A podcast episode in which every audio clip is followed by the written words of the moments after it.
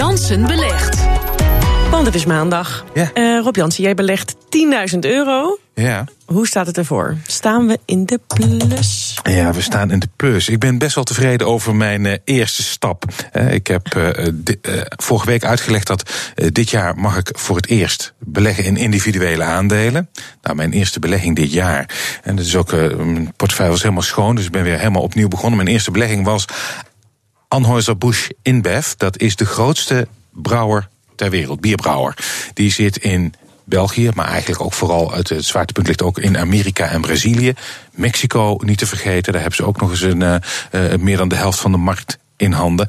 En dat was mijn eerste belegging. En jawel, eh, merk dan toch dat de, het beleggen in eh, individuele aandelen, dat daar wel wat meer beweging in zit dan wat ik vorig jaar deed. Dat waren trackers. Zeker niet slecht. Ik bedoel, dat is een veilige, rustige belegging. Hier neem je natuurlijk. Maar ja, het- je stond alleen maar in de min met die veilige, rustige Nou, belegging. niet alleen maar in de min, dat ging ook wel op en neer. Alleen de uitslagen zijn wat kleiner. En als je ja, een, een bedrijf hebt gevonden waarvan je denkt, nou ja, daarvan is het dividendrendement eh, behoorlijk en eh, misschien niet te duur.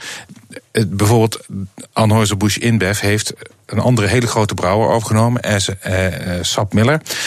Eh, en daar, als, na die fusie heeft het aandeel 20% van zijn waarde verloren. Dus daar is flink van de waarde afgegaan. Dividendrendement interessant. En wat gebeurde er nou vorige week? Ik had het net gekocht. Toen kwamen de cijfers van Anheuser-Busch InBev. En die, waren, eh, die vielen de markt heel erg mee. Beleggers waren daar zeer tevreden over. Dus daarna ging het weer lekker omhoog. ging het ook nog Corrigeert zo'n aandeel zichzelf. Ja, precies. Dat dat mooi ja, zeggen, ja. ja. Ik kreeg even de wind in de rug. Dus eh, ja, dat, dat, eh, dat, dat, die houden we nog even aan, die aandeeltjes. Ja, zijn trekkers nu helemaal passé dan? Nou, niet helemaal passé. En ik sluit zeker niet. Kijk, eh, het kan heel eh, eh, prettig zijn als je bijvoorbeeld in een bepaalde regio wil zitten, maar daar, waar het lastig is om individuele aandelen te kopen. Stel, je wil profiteren van een goede Japanse aandelenmarkt, dan is het het handigst als je een tracker koopt.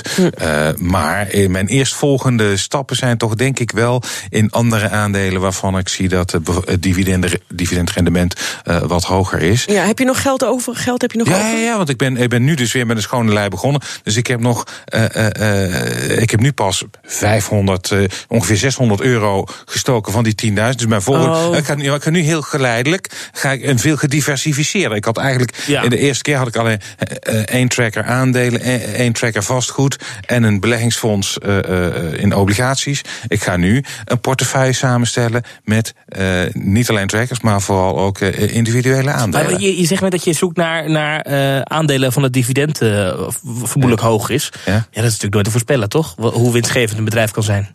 Nee, nou, je weet, nee, je, je weet nooit inderdaad hoe eh, winstgevend het in de toekomst is. Maar je kunt wel kijken naar wat de winst is geweest van een bedrijf. Ja. eh, wat ze aan dividend daarvan uitkeren en hoe zich dat verhoudt op, tot de huidige koers. Ja. Eh, en daar eh, kun je wel naar kijken. En dan, En daarnaast is het is natuurlijk dat het niet dat ook dan politiek gevoelig is. Dat niet Trump Nee. een uitspraak erover doet. Of, eh, Nou ja, de, de- de- je hebt inderdaad met, met, met veel dingen eh, te maken. Je kijkt dan ook natuurlijk of zo'n bedrijf een goede marktpositie heeft. Nou, dat was bij die bierbrouwer, eh, is dat heel duidelijk. Maar als je bijvoorbeeld kijkt naar Shell, wat wordt gezien als een beetje een saai aandeel, heeft wel een relatief hoog eh, dividendrendement. Dus dat is bijvoorbeeld een aandeel waar ik zeker naar moet gaan kijken. Dankjewel, Rob.